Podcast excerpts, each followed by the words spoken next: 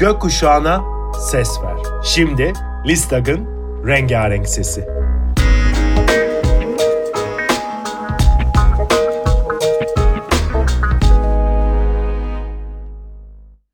Bu hikaye LGBT Aileleri ve Yakınları Derneği Listak için Yasemin Zeynep Başaran tarafından derlenen Kendimi Bildim Bileli adlı kitaptan alınmıştır.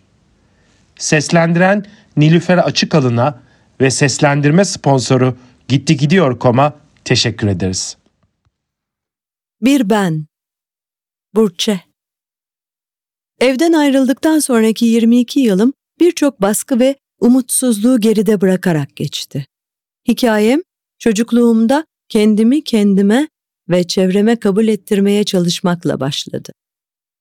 Zorlu mahalle koşullarında kendimi kamufle etmeye çalışarak geçen bir çocukluktu. Dünyada tek olduğumu, bu durumun sadece bende olduğunu sanıyordum. Bir şeyleri tam yaşayamıyordum. İçimde olmak istemediğim, bana yanlış olduğuna inandığım bir bedene hapsolmuş gibiydim. Nereye dönsem görmek istemediğim bedenimle, kendimle çarpışıyordum.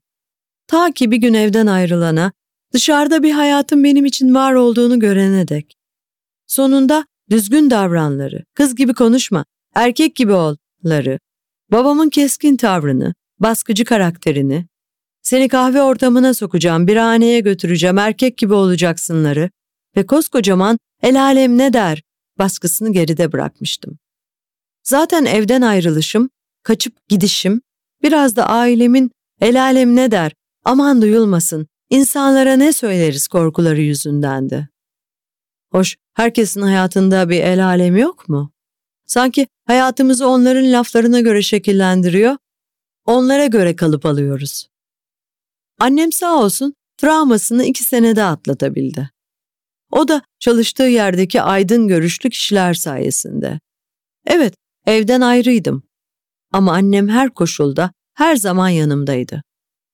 Bu süreci kabullenebilmesi zor olsa da bugüne kadar savrulmama hiç izin vermedi. Elimi hiç bırakmadı. Evden ayrıldığımda 14 yaşındaydım. İzmir Alsancak'ta sevgi yolunda çalışıyor, tezgahtarlık yapıyor. Akşam olunca bir şekilde kendime sığınacak bazen güvenli, bazen de güvensiz yerler buluyordum. Mesela bankamatikte yatıyor ya da arada basmanede bir otelde yaşımdan dolayı saklı gizli de olsa kalmaya çalışıyordum. Orada bir Seyit abim vardı.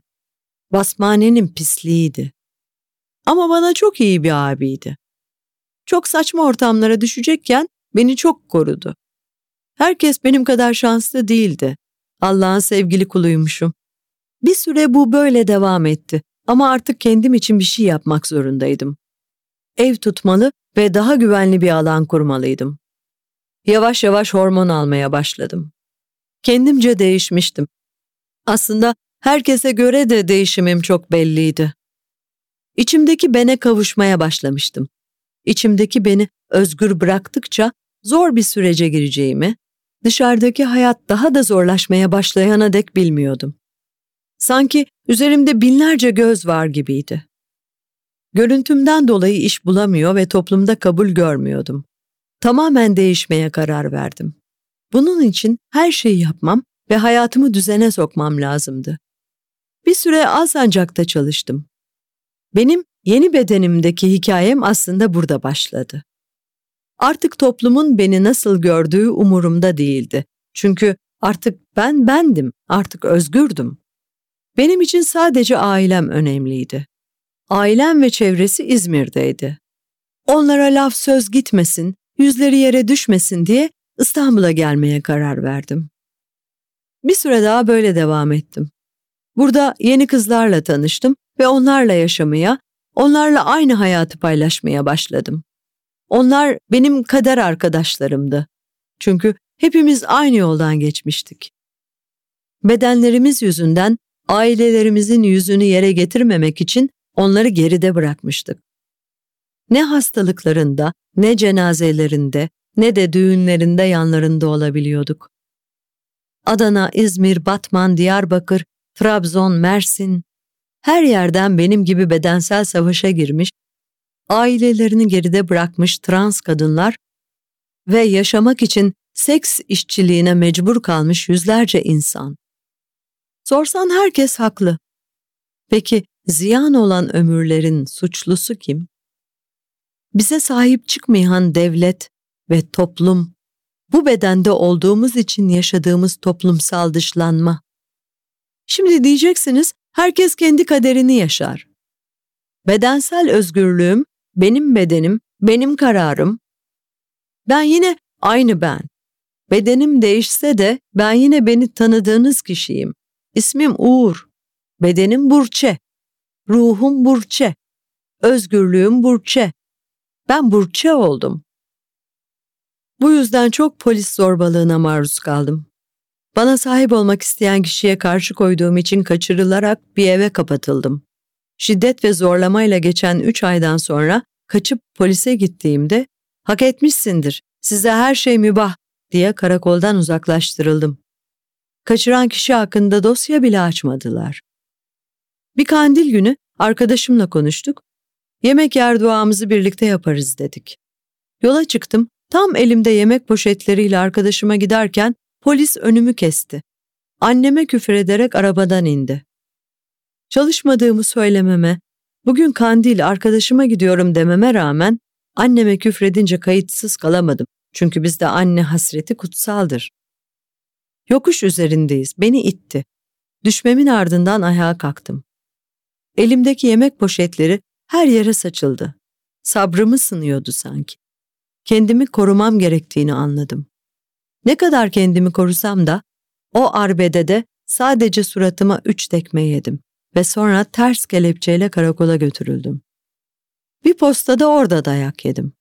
Polis haklıymış da sanki polise ben mukavemet etmişim gibi bir de hakkımda dava açılmasıyla tehdit edildim.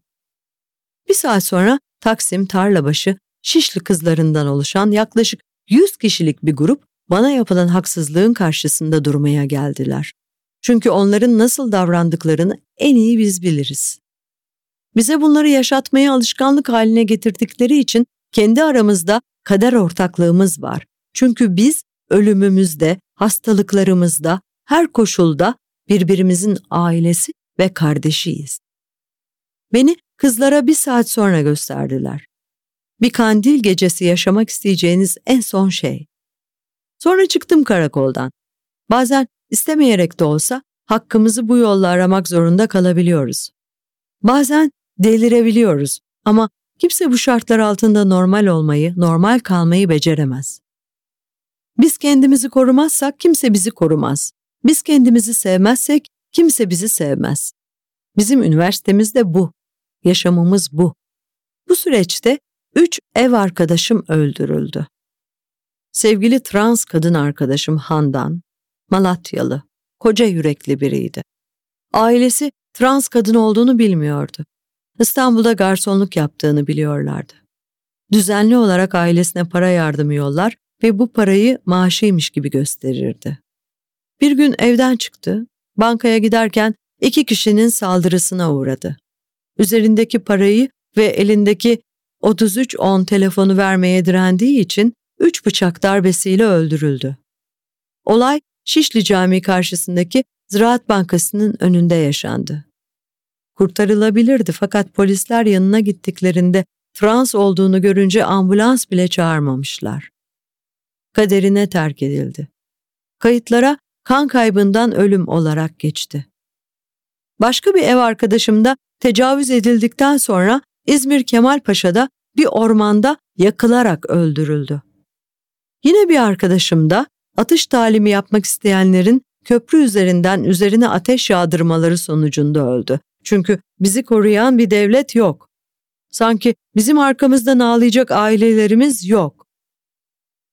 Daha katledilen yüzlerce trans kadın arkadaşım var.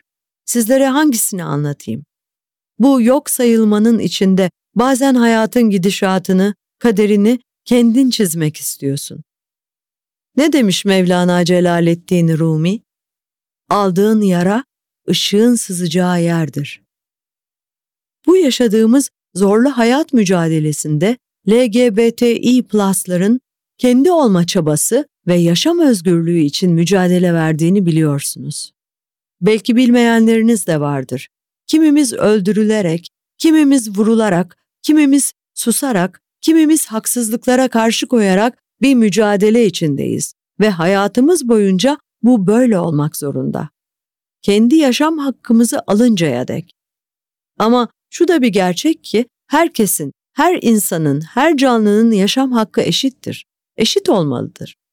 Hakkımızı, varoluşumuzu yok sayanlara inat, varız, var olacağız. Burayı birlikte söyleyelim.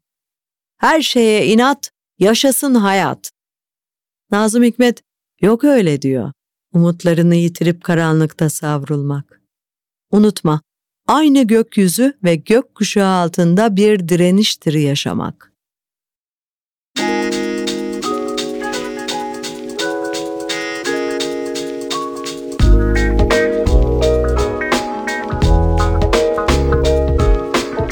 Gökkuşağına ses ver. Listag'ın rengarenk sesi.